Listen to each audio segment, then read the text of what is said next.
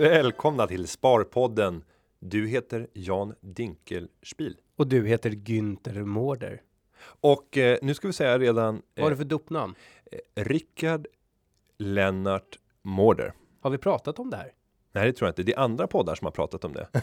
det är så? Ja, det har faktiskt förekommit i andra. Jag heter ju inte Günther ursprungligen, utan det var min 18-års present till mig själv. Så ditt tilltalsnamn var Rickard? Rickard Ja. och Lennart var i brist på, på självdistans. så min, min fars namn. Ja. Eh, och varför Günther? Eh, när det kommer ursprungligen från eh, Rederiet, eh, då fanns det en karaktär som hette Günther. Och eh, han var väldigt lik mig, ansåg mina kompisar. Och alla andra i mitt kompisgäng hade också smeknamn. Ja, Typ Boll, Ibra, Lofas. Ibra.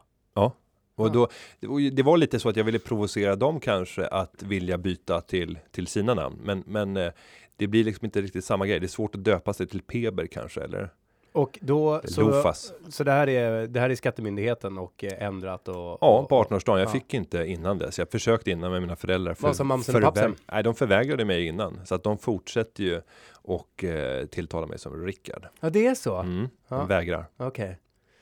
Så att så är det. Ja, märkligt. Men Eller- nu är det en månad kvar, Jan. Alltså, det är inte märkligt att de vägrar att acceptera Günther. Är det inte det? Nej. Jag heter ju det. Det Ja, är ju bara att titta då- på Skatteverkets papper. Jag heter faktiskt dubbelnamn, Rickard Günther. Du, innan vi kliver in på dagens eh, Ja. podd. Mm. Det var ju en stor dag i förra veckan. Ja, det är stora dagar. Du fyllde ju, eh, vadå, 29? 29 och ett halvt. 29 och ett Fyllde halvt.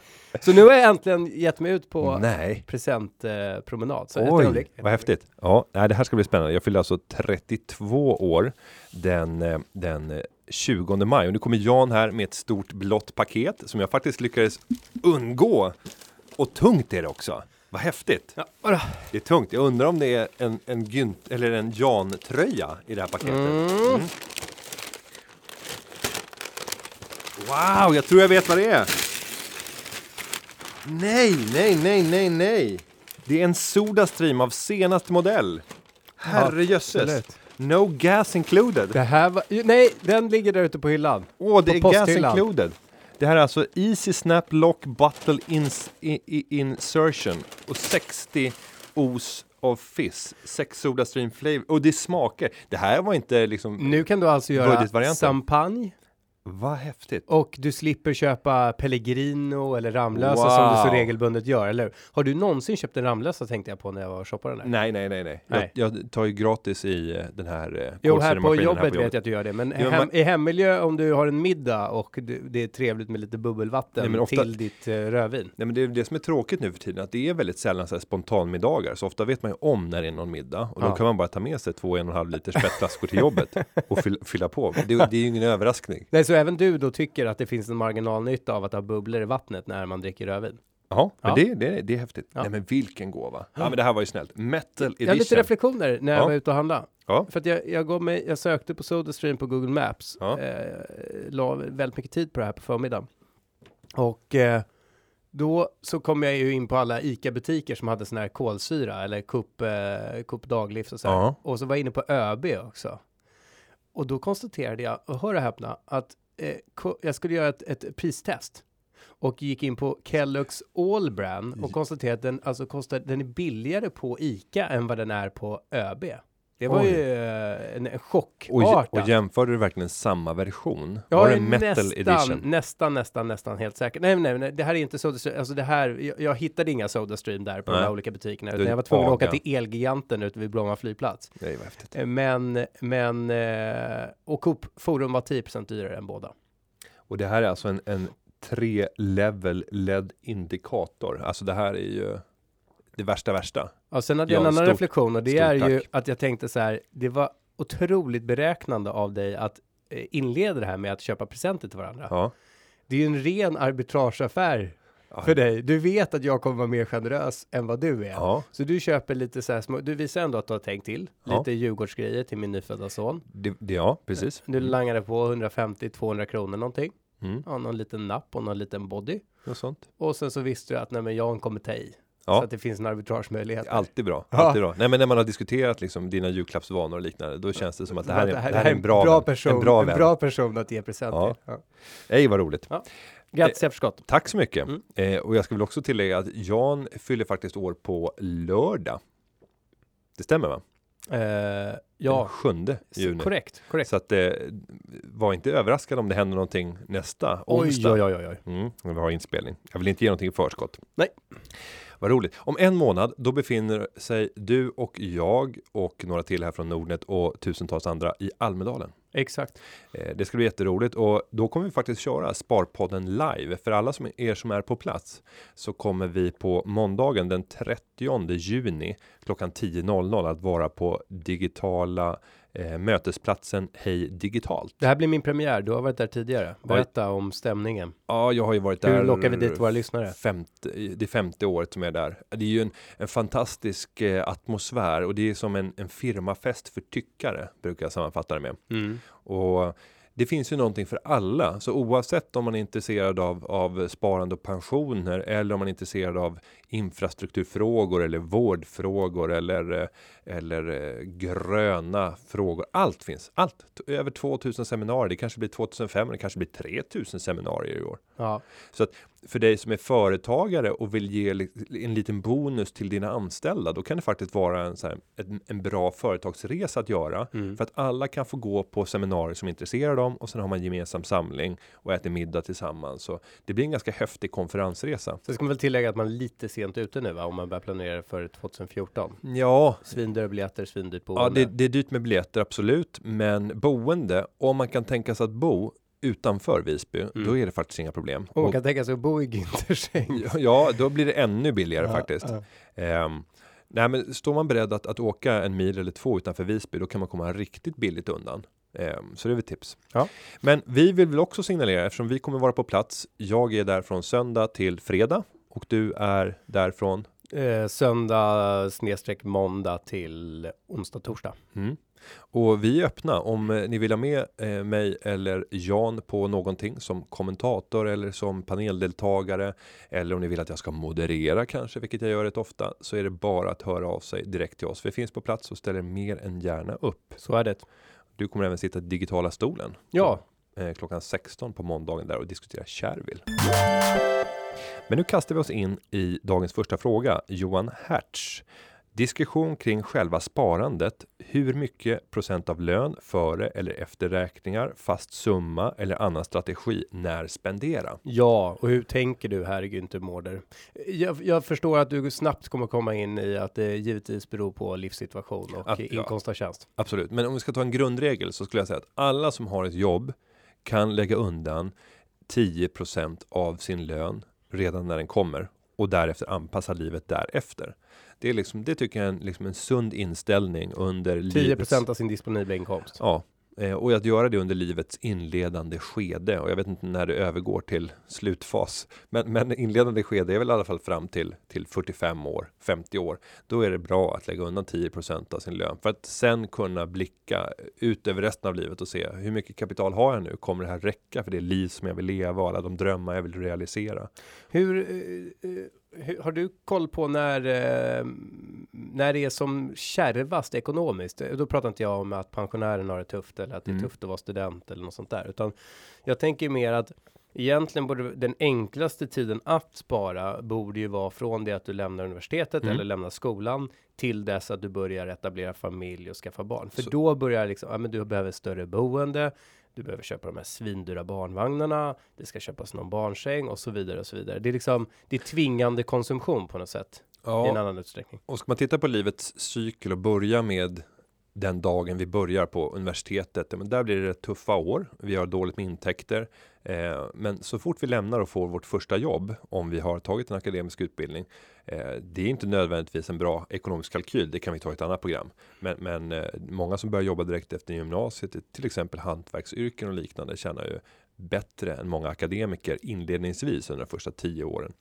Men om du lämnar universitetet och får ditt första jobb 22 000 kanske i lön eller 25 000, några tur, kommer upp mot 30 000.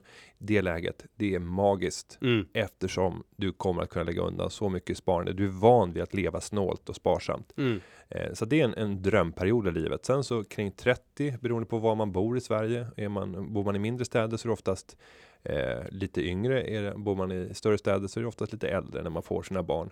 Och det, det är felaktigt att tro att de här första småbarnsåren är de jobbigaste ekonomiskt. Och det hänger nog samman med att vi ändrar livsstil när vi får småbarn. Vi går ut mindre sällan på restaurang. Det blir inte så mycket som besök och drinkar Mm. och, och liknande. Våra resvanor krymper till att omfatta närområden och liksom kortare resor på grund av att vi har små barn. Så att den perioden är faktiskt bättre än den perioden när barn har börjat bli lite större och Mm. kommer upp i liksom 10 till 20 års ålder. Och de börjar säga Euro Disney och såna här saker. Euro Disney, de säger märkeskläder, de säger mountainbike med flera växlar och, Mm. Och sånt där. Mm. Eh, då kan det börja rinna iväg. eh, kanske en Soda Stream vill de ha då när de är 12 år. Metal Edition. Mm. Eh, så att den perioden när vi, de flesta befinner sig kring 40 till 50 år. Den är rätt tuff ekonomiskt för man behöver ett stort boende. Eh, de här ungdomarna kräver mer utrymme än de mindre. Eh, dyrare nöjen samtidigt har man råd, eller råd, samtidigt har man möjlighet att börja gå ut på restaurang och hitta på mer grejer med sina kompisar och, och liknande. Återvinna lite grann av det man förlorade under småbarnsåren. Så efter 55, då börjar det ljusna igen. När barnen flyger ut. Och där kommer en period från 55 till 65 beroende på när man går i pension. Som det är Barnen är självständiga en och fantastisk givet sparperiod. att man är kvar på arbetsmarknaden så känner man bra. Så att anpassa sparandet efter Bättre. det och procentuella andelar. Men sen så kommer vi till den Frågan. frågan, som jag tycker är kanske mest intressant, den sista. När spänd? När spendera? När ska man växla tempo? Ja. Och det där har jag problem med. Du har en annan situation än Mm. vad jag har. Du har mer i sparande eh, och borde därför bränna mer av din lön. Om man ska tänka rent rationellt Ja. eh, för att liksom leva det livet som man som man önskar. Men när du ser framför dig de kommande 50 åren, vad vet jag? Eh, 70, 76 år, 77 80, år. när, Ja. fram tills att jag är 86, Ja, sen är det svårt. Att, 87. Ja. sen är det svårt att tänka. Efter 80 är det svårt att tänka. det, det vet man. Men ser du att du kommer växla? Kommer det växla tempo rent spenderingsmässigt? Åh, vilken svår fråga. Ehm, Har det hänt någonting nu? Om vi tittar tillbaka på de senaste fem åren. Ja, Tiden det tycker jag. Alltså, jag var ju, eh, jag skulle säga att jag spenderar min, alltså jag har högre utgifter idag, men det går till färre nöjen än vad det gjorde för några år sedan. Alltså det är mer koncentrerat till eh, ja, men bolån och eh, eh, inköp, alltså barnkläder, eh, barnsängar och så vidare och så vidare. Alltså det är, det är semestrar, det är sånt som vi behöver för att kunna hantera, eller behöver och behöver. Men, men mycket, mycket där. Och sen så det här eh, att leva ett, ett, ehm, ett eh, härligt, eh, liksom, eh, ungkarlsliv är fel för att det, det gjorde jag med min, med min nuvarande hustru. Men att man lever det här, liksom inga barn, inga krav, egentligen inget sånt där. Parallellt med att man tjänar ganska bra. Det skapar ju förutsättningar för att kunna leva mer frikostigt. Så där tror jag att jag, jag, det liksom, jag köper mycket mindre kläder idag. Jag lägger mindre konsumtion på mig själv än vad jag gjorde för några år sedan. Och, och, och du har ju även gjort några begagnat köp har vi fått höra tidigare i, i podden. Eh, när du har köpt bil med, med, med blandad framgång och blev, blev blåst. Herre Jesus. Eh, hur är det annars när det gäller de här dyrare sakerna till barn? Om vi säger då barnvagn. Är det någonting du skulle kunna tänka dig att köpa begagnat? Ja, eh, alltså till tid, första barnet eh, så köpte vi nytt. Och sen så är vi trötta på att lägga de här. Så att min, min hustru satte sig i en bil och köpte ett underrede och, och på Blocket. Mm. Så absolut.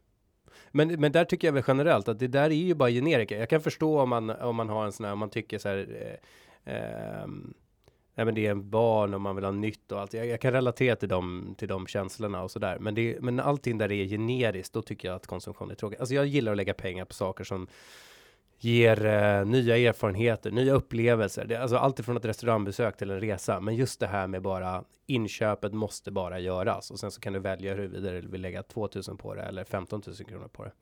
Själv då, hur, hur eh, jobbar du?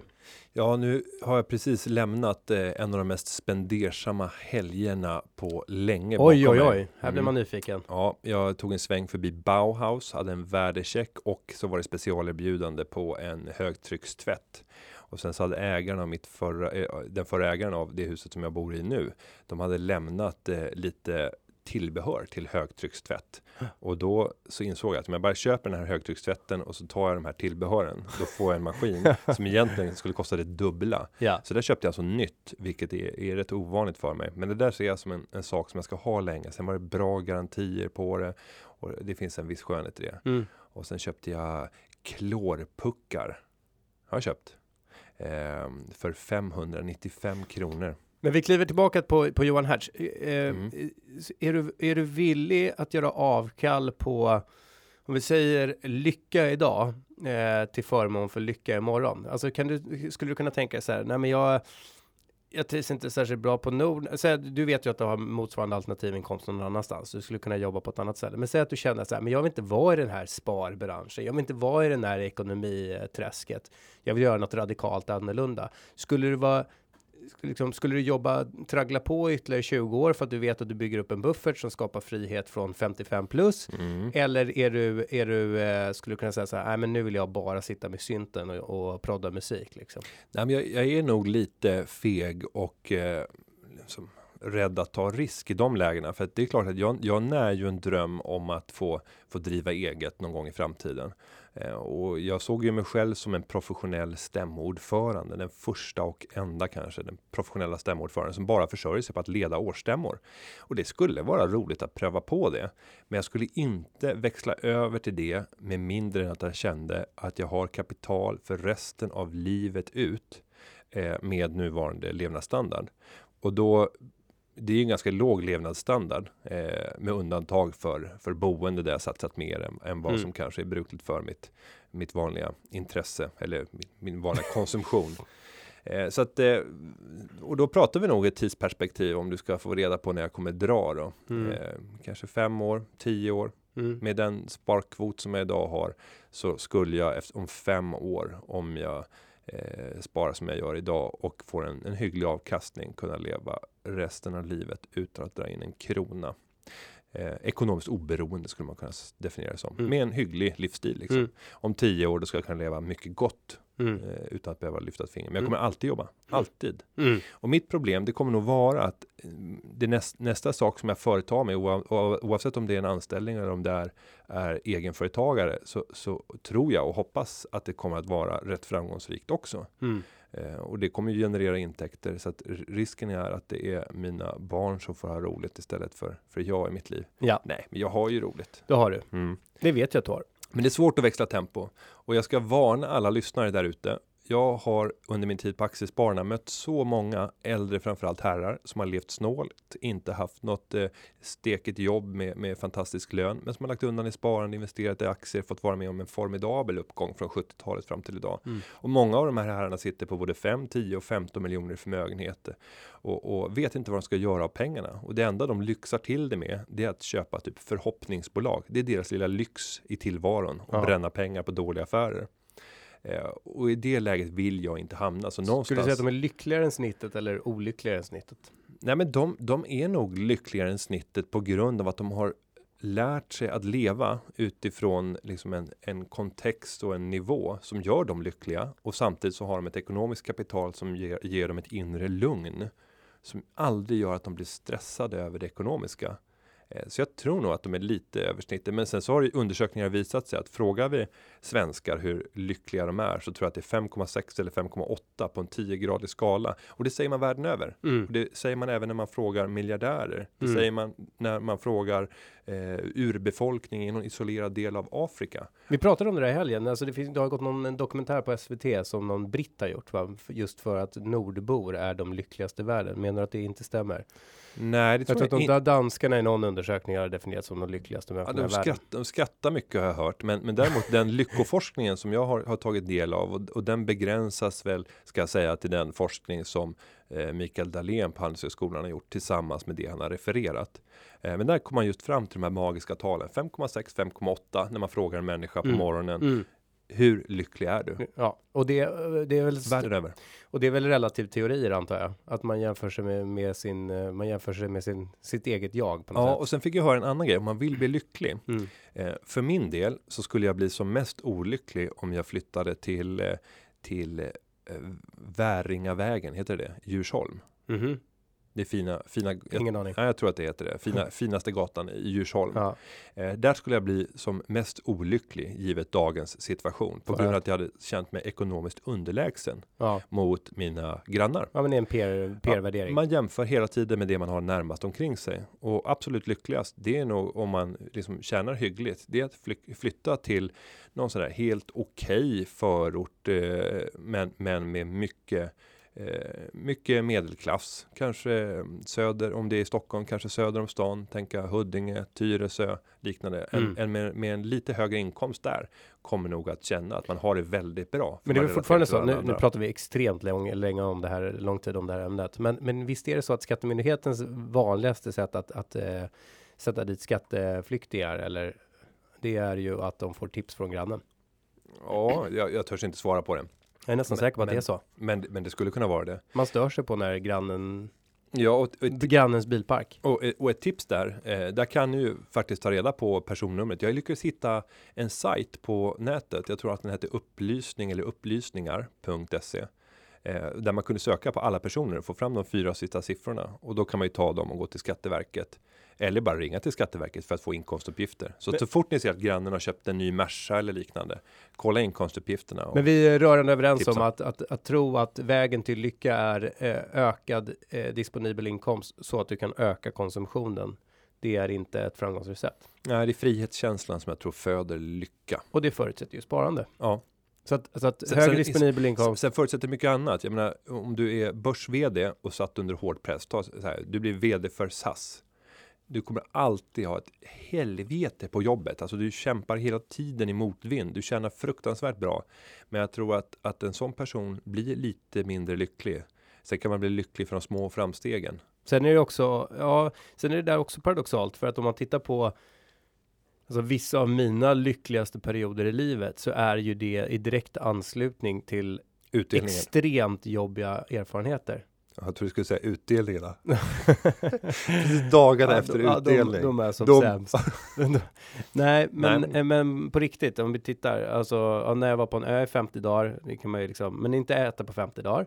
Mm. Eh, ett år i Sydafrika, jobba på ett produktionsgolv eh, och utsatt för hot regelbundet. Eh, när jag eh, ja, i viss utsträckning eh, liksom, tog min MBA i England. Alltså, eh, de här grejerna, aktiviteterna som gör att man, eller när jag åkte till Finland och var Finlandschef när vi förvärvade en bank där borta och ingen där borta ville bli förvärvad och så vidare och så vidare.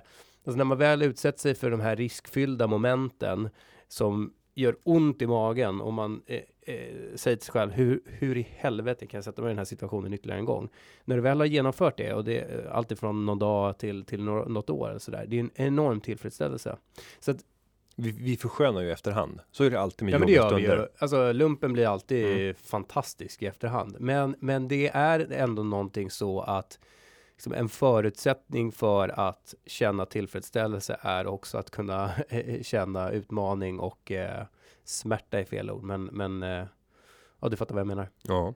Nej, Hur, hur ser du på det? Alltså Nej, om man bara, jag tror att problemen blir, alltså om man inte utsätts för riktiga utmaningar så blir eh, andra problem väldigt stora problem. Nej, men jag skulle nog sammanfatta med att säga att ett liv med flankstek, klyftpotatis och bearnaise varje dag. Ja. Det är inget liv. Nej.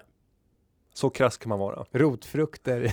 ja, men det behövs lite rotfrukter ibland. ja, men äter du Nej. rotfrukter varje dag i en månad? Nu är ju potatis rotfrukt. Då blir ju lapskojs gott. Ja. Ja. Nej, men så det, det handlar om att växla tempo. Livet är, alltså inte, livet är inte bara saft och bullar. Det, det handlar om att, att våga både nå högre och att pröva på och, och liksom skrapa på botten. Okej, nu har vi pratat om det här i 25 minuter. Var det dagens podd eller? Ja, med det så säger vi nej. Men vi har fått in många fler frågor Ja. och jag tycker att vi eh, kan gå över till, till nästa fråga innan vi återkommer till en undersökning och vi har även dragit vinnarna av eh, den, de som har hjälpt oss att fylla i undersökningen. Men vi tar en fråga till. Eh, Filip Bengtsson undrar vad tycker ni om att låna ut pengar via Trust Buddy? Mm. Diskutera gärna för och nackdelar. Ja. Eh, vill du beskriva lite grann hur modellen ser ut för Trust Buddy? Jag kan, vi kan väl båda försöka hjälpa oss fram till vad vi tror att det är. Vi har ju hyfsat bra koll. Trustbuddy är alltså, det, det- det är en sajt som erbjuder i flera länder eh, utlåningsprodukter till privatpersoner. Så eh, då tror jag att man kan komma dit och ta eh, mikrolån eh, från 5000 kronor uppåt. Eller om det är upp till 5000 kronor. Men jag tror 5000 kronor uppåt. Men inga stora jättebelopp. Eh, och sen så om du betalar tillbaka inom 30 dagar så tror jag att det är kostnadsfritt till och med. Eh, och, men många liksom, affärsmodellen bygger på att folk inte ska betala tillbaka och sen blir det en eh, väsentligt mycket högre ränta. Och sen för att då kunna finansiera de här lånen till privatpersoner så erbjuder de ju bra, och nu stoppar jag upp mina fingrar och gör citationstecken, eh, ett sparkonto. Men det är ju inte sparkonto för det omfattas inte av insättningsgarantin. Mm. Och då bygger principen här på att om du som privatperson har överskottslikviditet eh, eller överskottskapital, men då stoppar du in dem på Trustbuddy och sen kan någon låna ut dem till de här eh, andra personerna. Men du som privatperson bär kreditförlusterna. Så till skillnad från en vanlig bank där du stoppar in pengar och sen så eh, ska du få din ränta som utlovat och det finns en insättningsgaranti. Så har du här lånat ut och blir det kreditförluster så kan det belasta ditt konto. Och i regel så är räntan ja, väsentligt mycket högre här än vad det är på, på eh, vanligt sparkonto. Så att eh, en ganska, alltså en sajt som matchar inlåning och utlåning. Om ska vi göra en, en liknelse med, med Nordnet så skulle man kunna säga att eh, ja, Nordnet är ju mäklaren, precis som Trustbuddy i det här fallet. Det finns kunder, de vill göra affärer. Eh, skillnaden här är att vi gör affärer mot börsen eh, och i det här fallet så är det privatpersoner som man gör affärer med. Och vet man då att man gör affärer med privatpersoner så kommer naturligtvis att ris risken att öka.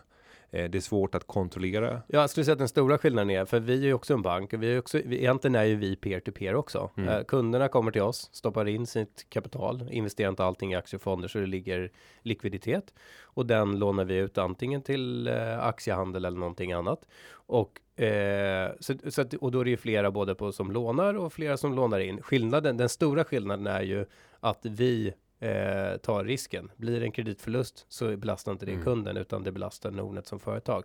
I en trustbuddy konstellation så belastar det kunden. Men det är likväl så det är liksom det är, kunderna kommer dit för att låna för att det förmodligen är billigare ränta och eh, andra kunder kommer dit och, och stoppar in pengar för att det är högre avkastning på, på sparkapitalet. Och man skulle kunna säga att alternativet till det här, det är ju att gå runt i, i sin bekantskapskrets och säga att jag har 20 000 över. Är det någon som vill låna den, eh, de här pengarna över en viss period och till de här räntevillkoren? Det är ju bara att det är väldigt opraktiskt och sen finns det väldigt stora faror med att blanda in liksom, familje och vänner i sin utlåning. Ja, tank, tänket är ju att du ska allokera ut, om du har 20 000 så ska du inte sitta med en kreditrisk mot 20 000 Ja, kunder, utan du ska sprida ut det kanske till 20 pers eller, eller till och med 40 personer, ja, Mm. 500 kronor. Ja, och vi skulle säga att Det vi är har ett spännande fenomen. Det här växer Ja. utomlands. Det är ett spännande fenomen, eh, framförallt i England och USA, USA verkligen, men även i England så börjar det ta fart. Så att eh, vi kommer nog få se mer av det här framöver.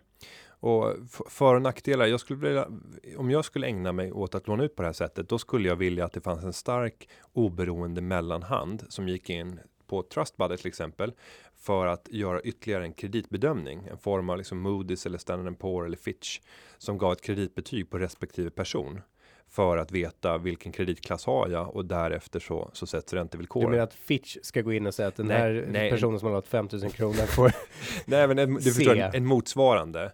Om det var en, en liten firma som gjorde personbedömningar. Men Tänk- så här är det ju, att det sitter ju då en intern, de har ju då en scoringmodell internt, eh, det vill säga en modell som givet den persondata de får in klassificerar in kunder i olika Jo, riskgrupper. men problemet är att deras intresse det är att förmedla så mycket som möjligt. Så, Ja. att, så hellre fria än Mm, fälla. va? Ja, alltså de, om, om det blir för mycket kreditförluster för Ja, då- ja, då privatpersoner i slutändan, då, ja, Mm. exakt. Så att det, Det finns en viss självreglering i det, men jag skulle ändå tycka att modellen blev ännu starkare om det fanns. en Men vi av oberoende kraft. Finansinspektionen, det är inte Ja, det är nog de. Beroende kraft Ja. som är inne och granskar. Så att eh, det är ett spännande fenomen. Du kan i regel få högre avkastning på ditt sparkapital, omfattas inte av insättningsgarantin och eh, eh, vad händer den dagen som det finns, nu säger jag inte Trustbuddy, men det kan ju finnas en någon aktör där som har en dålig scoringmodell. Mm. Så att de lånar ut till personer som inte har förutsättningar att betala tillbaka och då så kommer liksom den här 3, 4, 5 eller till och med 8 procenten som du blev utlovade. Det, det förstörs av eh, kreditförluster. Och ska man måla upp en av de största riskerna så tror jag att det skulle vara en smäll i ekonomin som helhet som skulle leda till stor arbetslöshet. Om vi skulle ta 90-talskrisen, finans och fastighetskraschen, eh, även finanskrisen i vissa mått, men det blev inte samma extre- och det blev en hög arbetslöshet, men det var ännu värre om vi tar vid 90-talskrisen. Där så tror jag att, att den största risken vilar när människor brett över hela samhället kommer att få det betydligt sämre ställt Mm. och deras återbetalningsförmåga kraftigt försämras. Då är det rätt skönt att ha en bank Mm. som mellanhand. Eh, Men under glada dagar när alla får det bättre, reallönerna har ju ökat fantastiskt i, det här landet under de senaste tio åren. Och i ett sånt klimat, då synes ju risken vara rätt begränsad i en sån här. Då är det ju bara den individuella personen. Mm. Och har man spridit de där individuella riskerna, som vi säger bolagsspecifik risk på aktiemarknaden, den har spridit i olika individrisk här. Så jag kan också säga, vad intressant är ju, alltså det dyker upp fler och fler aktörer. Kinnevik har investerat i någon som heter Lendico tror jag. Eh, via Rocket Internet som är ett bolag som de har pumpat in mycket pengar i. Eh, det finns andra startups på gång.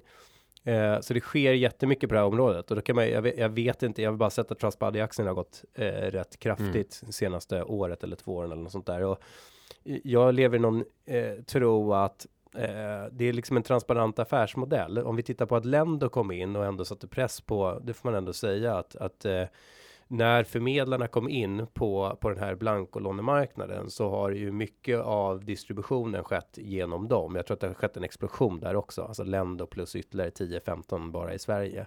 Och då pressar ju de eh, i viss utsträckning marginalerna eh, för bankerna.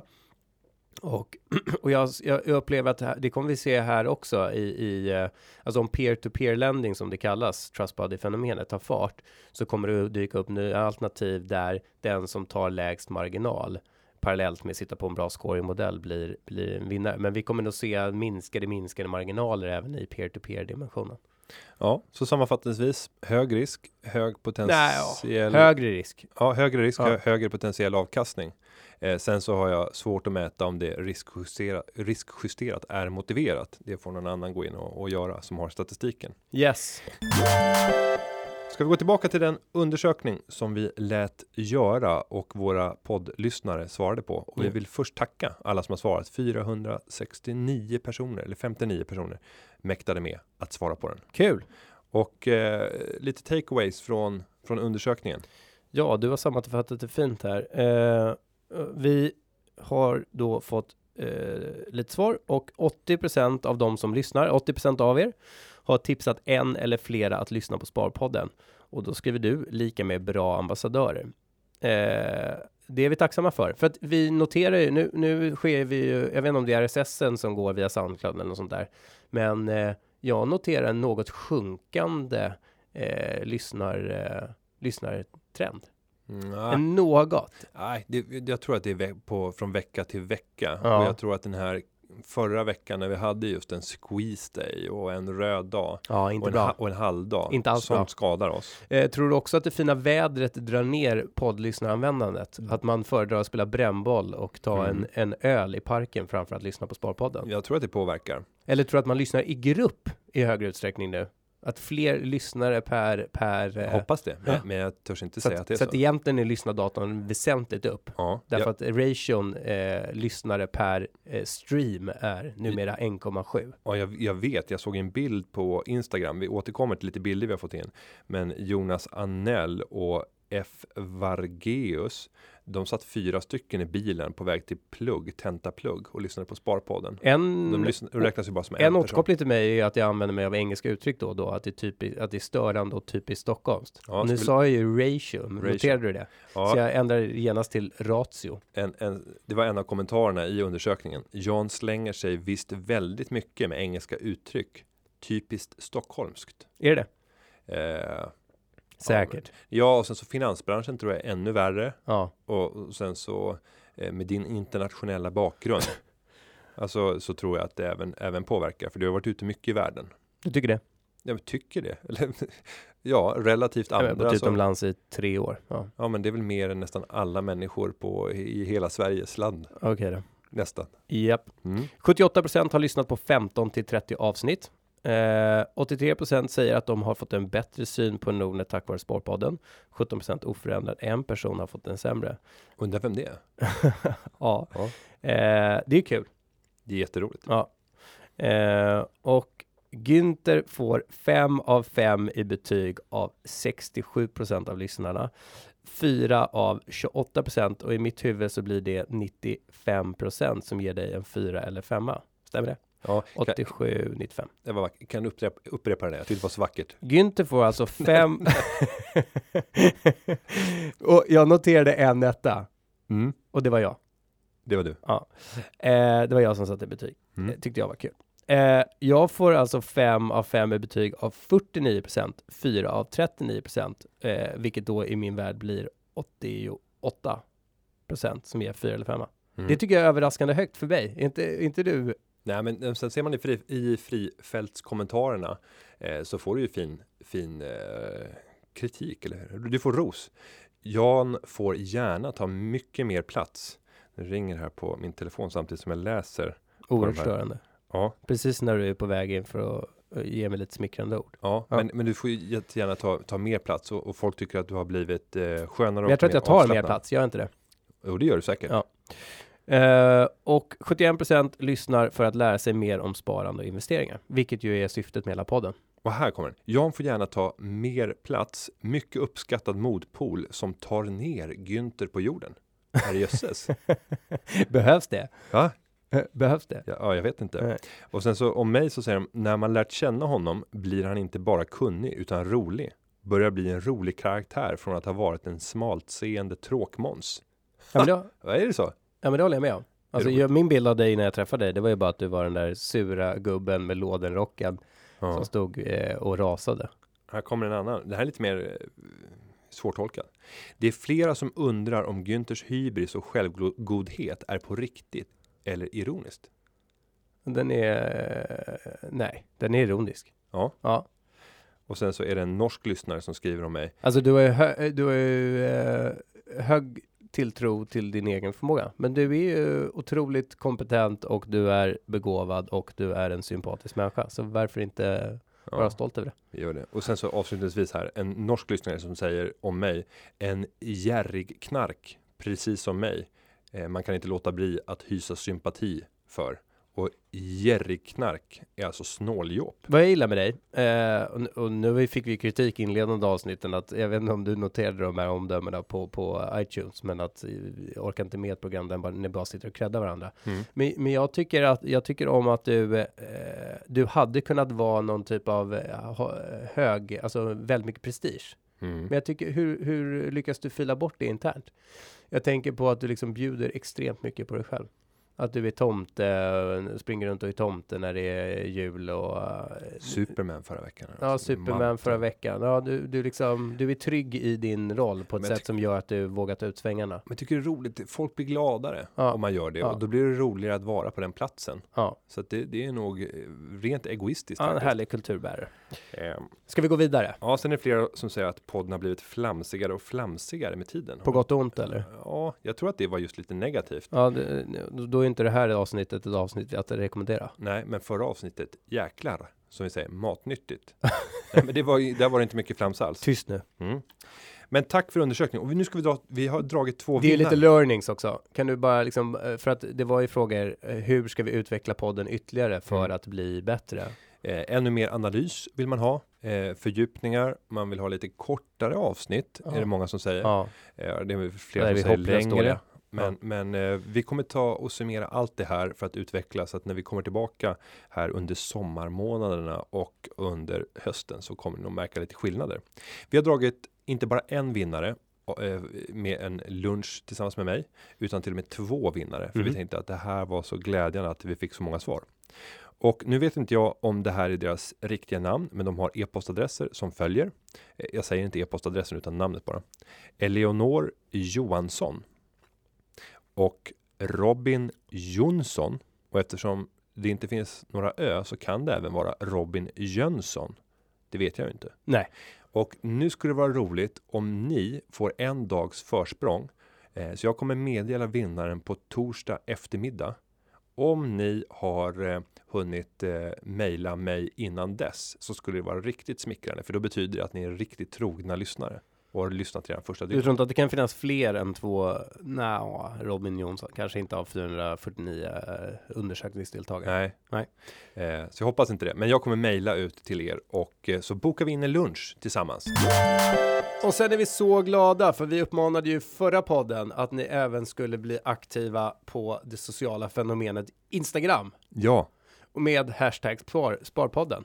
Och där har vi fått in jättefina bilder. Och jag bara ska referera några så har vi Helanne Myr som är i bilen på väg mot Party Party, kör 95 km i timmen, fotar och skriver ett in- inlägg. Där vill jag eh, avråda från att göra.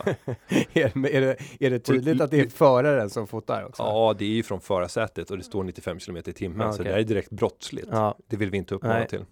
Och sen har vi ha understreck NC Hans njuter i poolen. Vilken livsnjutare. Mm. Underbart. Mm. Vi har Henke Stockholm, räfsar gräs och myser med hunden. Mm. Lyssna på Sparpodden. Mm. Fantastiskt. Eh, och det här var nästan lite, nästan lite creepy, men, men jag smälter ändå. Det är Eriki Wiarski som har satt upp en bild på mig bredvid sin dator tillsammans med en pengarhög. Exakt. Eh, och skriver att han precis har avslutat morgonbönen och lyssnar på Sparpodden. Vackert. Ja, jättekul, tack för det. Eh, och sen får vi väl ta eh, lite Miss Dianava som tuffar fram på tåget och lyssnar på, på Sparpodden och har höjt aktieintresset. Sen har vi Gu- Gucci-subban som, s- som får, får man säga steker i bikini på hotellets takpool nere i Det är Spanien. många på semester, är det långhelgen som... Ja, eh, någonting är det. Så att, tack för alla bilder. Fortsätta skicka in under hela sommaren under Ja, hashtag jätte- Sparpodden. Och vill ni som alternativ till det, nordnetbloggen.se i kommentarsfältet eller på eh, Twitter, hashtag Sparpodden. Vi talade tidigare om att det är viktigt att växla tempo. Nu växlar vi in i en seriösare och snabbare omgång och ska avhandla en, ett gäng frågor. Misantrop. Frågar igen, kan ni förklara? Och det är alltså frågar igen för att han har frågat utan att få svar. Frågar igen, kan ni förklara hur och varför björnar fungerar som det gör? Varför stiger de när börsen går ner? Förklara en björn, hur är strukturen? En björn. Och nu pratar, nu hänvisar den här personen till eh, olika typer av korta produkter sammanfattar de med. Eh, och då finns det börshandlade produkter till exempel. Eh, det kan vara börshandlade fonder. Det kan vara eh, börshandlade kontrakt och andra typer av värdepapper där man kan spekulera både upp och nedgång på börsen.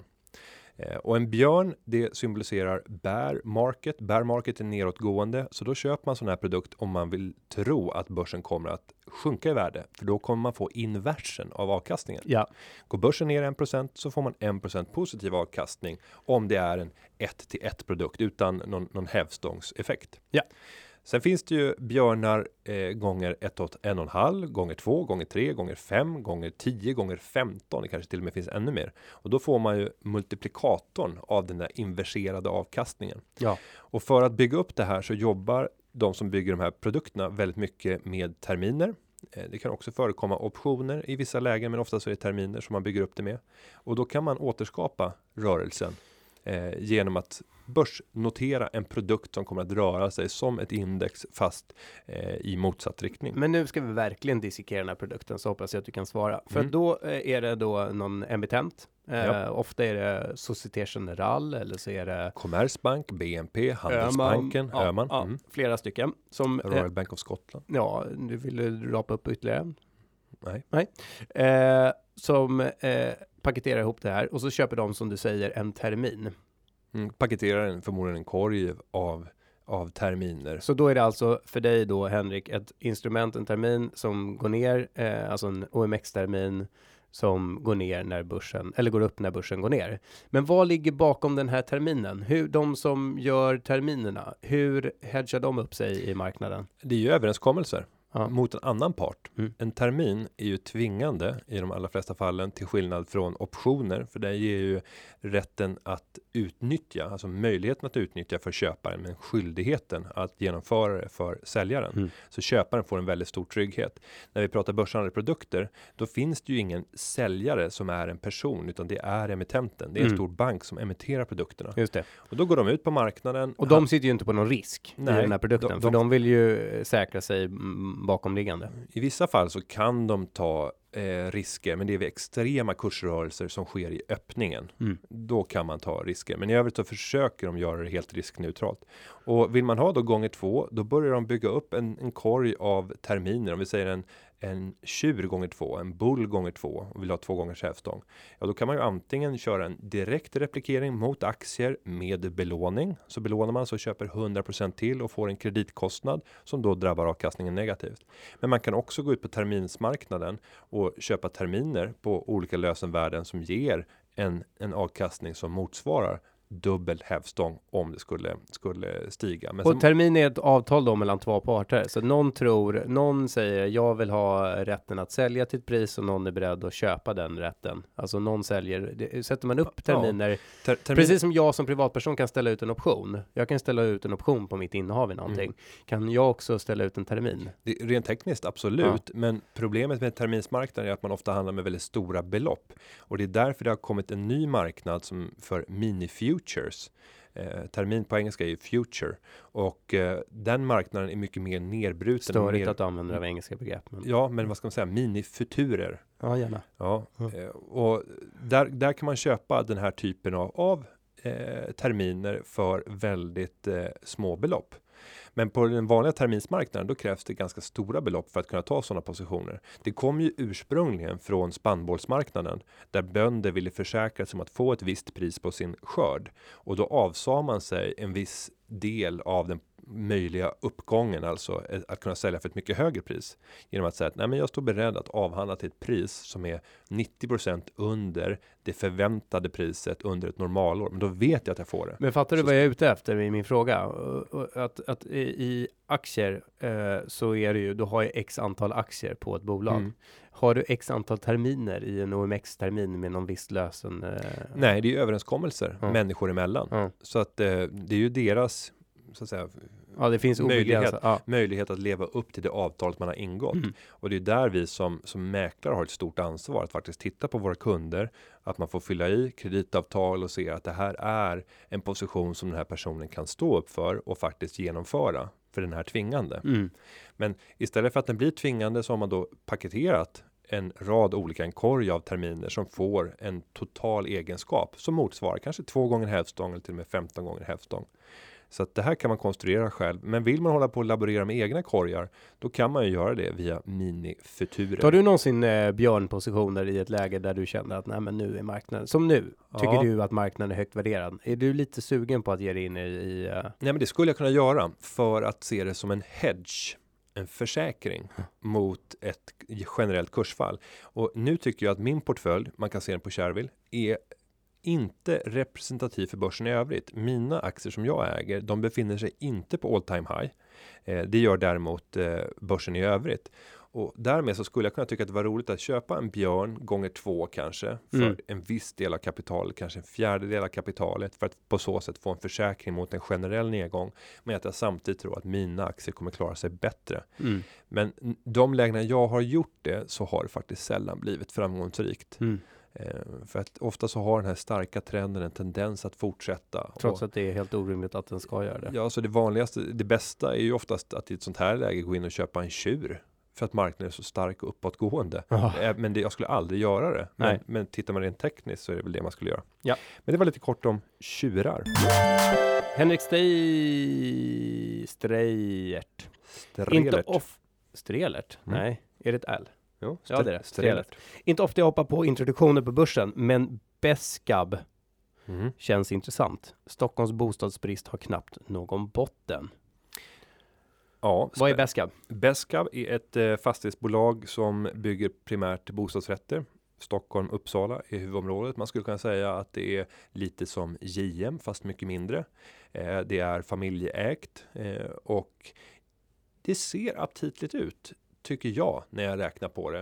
Eh, det är ett P tal kring 14. Eh, jag tror att de skulle kunna göra 80 miljoner i vinst eh, i år ungefär. Det här är ju ett fastighetsbolag eller bostadsbolag. Ja, du ska värderas- inte värdera på PE, ska vi värdera på... Ja, men det är lite annorlunda eftersom de jobbar med att, för, att sälja de här bostadsrätterna. De Ja. sitter inte med hyreslägenheter. Nej. Så det är en rörelsedrivande verksamhet som faktiskt går att mäta på ett annat sätt. Okej. De sitter inte med en enorm portfölj av hyresfastigheter. Det är inte det som är De affärsmodellen. bygger och säljer. Ja. Och tittar vi på, på värderingen så kan den hamna på 1 miljard 150 miljoner som högst. Eh, men mest sannolikt så hamnar det väl några procent under. De har ju ett täckningsintervall. Eh, så att jag tror att det är kring 1,1, kanske strax under 1,1 miljarder. Eh, och det är inte farligt värderat för ett bolag som genererar ungefär 80 miljoner i vinst och där utsikterna tycker jag ser goda ut. Stockholms bostadsmarknad karaktäriseras av ständig inflyttning. Eh, de värderas lägre än JM. Och just det här faktumet att det finns en stark huvudägare i en privatperson som tidigare har varit med om en resa i svek och Det gör att jag känner större trygghet i ett sånt här bolag än där det är en riskkapitalist som vill göra en exit. Så att jag kommer nog att snegla närmare på den här emissionen och eventuellt teckna mig för lite aktier. Ja, när jag satt och eh, kollade nyckeltal på olika aktier under gårdagskvällen så hittade jag ett litet litet, litet, litet fastighetsbolag som Mm. jag också blev lite sugen på. Så att jag kanske, jag vet inte om jag ska droppa det nu. Det här är måndag, det publiceras onsdag. Eh, ja, nej, ni får se min Shareville-portfölj helt Mm, enkelt. vad spännande. Japp. Mm. Får man ta rygg? Ja, det är klart man får. Jag tror faktiskt inte det går att handla på, på det gamla Shareville, så jag tror bara att det är betatesta-användarna i det nya Shareville som kan se vad jag ska köpa. Mm. Roligt. Vi går vidare till eh, Alexander ROC som upplyser oss om att motsatsen till breddgrad är längdgrad. Lyssnade du igenom podden innan, eh, eller inte innan, men efter publicering? Lyssnade du igenom förra podden? Nej, Nej. Alltså jag satt och svor, jag lyssnade på den på väg hem från jobbet och så Ja. satt jag och så satt vi och pratade om breddgrad och eh, eller longitud och latitud och så, och så sa vi breddgrad. Vad är det det andra heter? heter? Och vi satt båda lång, långgrad. Tack Alexander. nu släpper vi det. Eh, längdgrad är givetvis det rätta svaret. Henrik Strelert vill också att vi gör en djupdykning och summerar eh, börsen hittills i år och det lovar vi att återkomma och göra vid ett senare avsnitt, kanske vid halvårsskiftet. Och sen för att inte like a börshaj på Twitter ska avsky oss eh, så eh, lovar vi om att återkomma kring NetNet-aktier i nästa poddavsnitt. För som jag har ju läst på om vad, vad, vad nyckeltalet går ut på, men sen så menar Günther att det finns olika karaktäristika Mm. som gör att vissa kvalificerar in i en NetNet-aktiekategori. Och du ville ta fram den listan innan vi djupdyker på, på området. Mm. Ja, för jag vill ha något diskussionsunderlag. Ja, men jag tyckte att vi fanns det bara genom att använda och titta på nyckeltalet så får Ja, men man. jag vill se de verkliga exemplen. Folk vill ha liksom verkligheten med sig hela tiden. Ja, bra, bra tänkt. Och så tycker jag att vi tar Andersson. Hej och tack för en strålande podd. Jag undrar ifall det finns några studier som visar på hur världens börser rör sig i förhållande till varandra, till exempel vid IT-krasch och Lehman-krasch. Var det någon börs som stack iväg neråt först eller gick alla börser ner samtidigt? Kan man genom att titta på andra börser dra slutsatser om hur den svenska kommer att gå? Eller är det för sent då? Ja. Vad har du för generell syn? Eh, jag har en syn som du sen kan rätta, men, men, men eh, alltså om vi börjar med att svara på det sista. Nej, man kan inte titta på andra börser och sen så säga att åh, bara för att Brasilien har gått upp så kommer Sverige gå upp. Om det vore så enkelt att investera så skulle eh, fler investera på det sättet. Däremot så, så har väl jag reflekterat över, jag, jag trodde att kanske världens börser var mer korrelerade än vad de de facto är. Titta på, eh, vi har haft superbörser i västvärlden de senaste åren.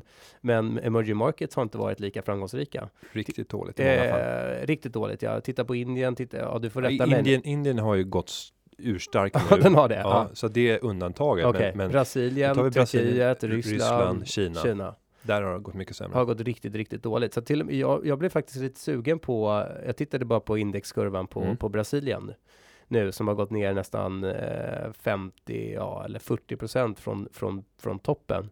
Eh, men som nu verkar vara i en liksom uppåtgående trend och att man kanske ska hoppa på det brasilianska tåget. Mm.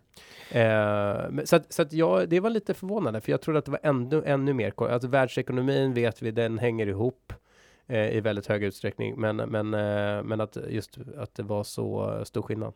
Men man kan egentligen dela in världens olika börser i olika riskklasser och de börserna som har högst risk. Där kommer det också att vara störst rörelser både uppåt och neråt oftast. Sen så är det inte någon perfekt korrelation eh, med det här utan men tar vi i samband med en krasch så kommer den ryska börsen som är behäftad med högre risk än de flesta andra börser att eh, falla mer under kraschen än andra börser. Under återhämtningsfasen så kommer det gå upp mer. Eh, nu har det varit andra saker som har ställt till det i många tillväxtmarknadsländer och det hänger samman med att mycket av den tillväxt som har funnits i, i tillväxtmarknader har ju finansierats med pengar från västvärlden. Eh, och, och då har de gynnats av att man har tryckt pengar och skapat en extremt låg ränta som gör att då pengar börjar flyta ut i andra delar av världen. Men så fort man börjar dra tillbaka den här typen av stimulanser som man har gjort nu i USA, en successiv avtrappning, då är det någonting som gör att man räds utvecklingen för Eh, tillväxtekonomierna för att det blir mindre kapital som kommer att leta sig dit. Det kanske till och med plockas hem kapital för att investera i mogna västmarknader. Men rent generellt så kan man ju faktiskt säga att om du tittar på New York-börsen eh, dagen innan så Mm. kan du säga att med bestämdhet nästan om det har varit en större rörelse från 17.30 fram till till 22 då amerikanska börsen stänger Ja. så kommer den att återskapas i Stockholmsbörsen. Problemet är att det går inte att tjäna pengar på det Nej. för det sker ju redan i kolen när man öppnar Ja. så att där får vi korrigeringen. Har amerikanska börsen stigit med 1% under Men har inte, avslutningen? har inte börserna blivit något mer självständiga? Jag tänker på vad det, Nej. var det the Hades eller, eller är det bara att man inte är lika nära marknaden då som man var om vi går tillbaka 15 år, alltså under IT-yran. Mm. Då satt man ju och väntade på 15.30 när USA-börsen skulle öppna. Det var ju en, en jättemoment i marknaden. Menar du att det är lika? Jo, men det hade att göra med Nasdaq Ja, och Ericsson. ja, För att då exploderade handeln i Ericsson och Ericsson stod för över 40% av börsvärdet på Stockholmsbörsen ja. År 1999 och Mm. början av 2000. mhm. Så det, det var ju det som gjorde att det blev en sån här extrem rörelse. Och så var den då parallellnoterad i, i Ja. eh, USA. Ja. Men, men idag så är det inte samma betydelse av de här tech, techbolagen utan det är större spridning och ett sto, en stor del av vår börs i Sverige utgörs ju av fyra storbanker. Mm. De utgör en väsentlig del av OMXS30, våra 30 mest handlade aktier. Och de påverkas ju inte i lika hög utsträckning av vad som händer i USA utan snarare mer av vad som händer i europeiska banker, vad som händer från ECBs håll och liknande. För det är Mm. mer lokal business. Mm. Så att Därav så tror jag att man ser skillnader mindre. Men i övrigt så är vi är sammanflätade. Man kan inte eh, hitta några genvägar eller liknande. För övrigt håller jag på att läsa Flashboys nu. Mm, Eh, spännande. Ja, har du, har du köpt den? Nej, jag har inte gjort det. Nej. Jag kanske får låna den efter dig. Ja, det är delikat information som kommer där. Ja, Ska jag dra ett exempel? ja gör det. Eh, en, en, för det första eh, så är det en, eh, en ganska stor förvaltare som liksom börjar få upp nys på att det händer konstiga saker i marknaden. Så att han sitter då och handlar på, si- från sitt privatkonto på TD Ameritrade som är en av eh, de större motsvarigheterna till, till Nordnet eh, i, i USA. Och redan han lägger in saker i, jag vet inte, jag måste läsa det här igen för att se huruvida det stämmer, men så som jag tolkar det, när han lägger in saker i orderboken, då sker förskjutningen på börsen. Alltså att den känner av, den skickar en signal från TD Ameritrades mjukvara som säger att okej, nu kommer det komma in en order i marknaden och innan ordern redan är inne i marknaden så tolkar den det, skickar ut den informationen till någon annan som gör att algoritmerna och HFT-aktiviteten ställer av. Den, en annan märklig sak, det är också för att se just det här med best execution. För vi har ju ett regelverk som säger att vi måste säkerställa att våra kunder får så bra eh, bra pris som möjligt när de handlar genom eh, Nordnet och det här regelverket agerar eller eh, måste alla aktörer förhålla sig till. Men då ligger han, säg att han ligger på en köporder på, på eh, 40 och sen så eh, så lägger han på en köporder på 40 och så säger att det står i 40 mot 41 Uh, eh, och så, så lägger han en säljorder på 30. Då ska ju han per definition, eftersom han kommer och ger den nya informationen i marknaden, han ska ju få avslut. Mm. Men det får han också, men inte med sig själv. Så det är alltså någon annan som klämmer eh, köporden på 40 och sen så norpar upp på, på, eh, på 30 så att, det, så att det finns liksom någonting händer. Det här är när han lägger en order in i en så kallad eh, dark pool, Mm. det vill säga en vilket är helt sjukt att det finns i en fragmenterad börsvärld, att det finns dark pools där man inte har någon aning om vad reglerna, vilka regler det ligger i de här dark poolsen. Nej, men jag, jag måste läsa på mer. Det här väcker min nyfikenhet och jag, jag visste att det fanns, att det, att det sitter massa HFD-aktörer och tjänar pengar på, på att göra eh, mini, mini, mini arbitrage. Men att, att det var den här dimensionen, det var, det var, jag ska inte säga att det kom som en nyhet, men det är intressant att man, man blir mer kunnig på området. Det där vill jag läsa mer om i sommar. Avslutningsvis så ska jag väl fortsätta med min cliffhanger från förra gången. Vi har fått lite kommentarer här. Det är Martin Richt, eh, Richt, Richter som säger vilken avslutande cliffhanger på Sparpodden. Med era egna ord, för bra för att vara sant så är det inte sant. Och det alltså var min cliffhanger från förra gången när jag berättade att jag kan tjäna pengar riskfritt ungefär 75% per gång och jag kan upprepa det här gång på gång på gång på gång på gång. Eh, och sen så säger Otto Kamne man skulle inte kunna få lite sneak peek av hur man tjänar dessa brutala pengar? Frågetecken, alltså stor smiley. Nej, Günther ska testa det, men Ja. sen kommer du att kunna replikera det. Det, jag kommer gå ut i detalj om ungefär tre, fyra veckor. Håller du på med testet? Jag håller på med det. Senaste veckan så gjorde jag 5000 kronor ungefär. Ja. Och eh, jag gjorde det helt riskfritt. Jag har inte tagit någon Vad var insatt risk. kapital? Från början så är det tusenlappen som jag fick av dig Ja. för ett år sedan. För att du skulle raka av din, eh, din ring.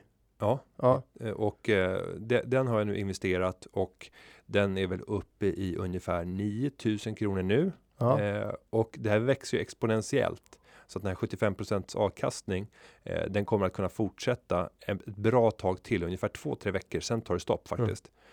Och jag eh, kommer därefter att, att plocka ut, eh, jag undrar om det sammantaget kanske blir eh, 25 000, kanske 30. Har jag tur så kanske det kommer upp till 50 000. ja, för du kommer inte kunna göra 75% på insatt belopp hela tiden. Nej, det kan jag inte göra. Eller insatt Utan- belopp kanske, Utan men- jag ska säga att det här insatta beloppet som jag sätter in, det kräver också arbete. Så Mm. ska jag få den här exponentiella utvecklingen så stiger också arbetsmängden som man måste lägga ner i det här projektet. Eh, men det är fortfarande riskfritt. Men, Ja. det, men det kräver ett visst arbete. Det här kommer vara ett strålande tips för alla er ekonomer, eller ekonomer, alla er studenter som kanske inte har fått det där stekiga jobbet som skulle generera de fantastiska intäkterna. Men jag lovar er att innan juni är slut så får ni tipset och då kan ni se fram emot en ljus framtid. Nu säger vi tack för det här avsnittet och vi tackar också den som har spelat in och klippt det här som är Nayara Seara. Stort tack! Ha det gott, hej! Hej!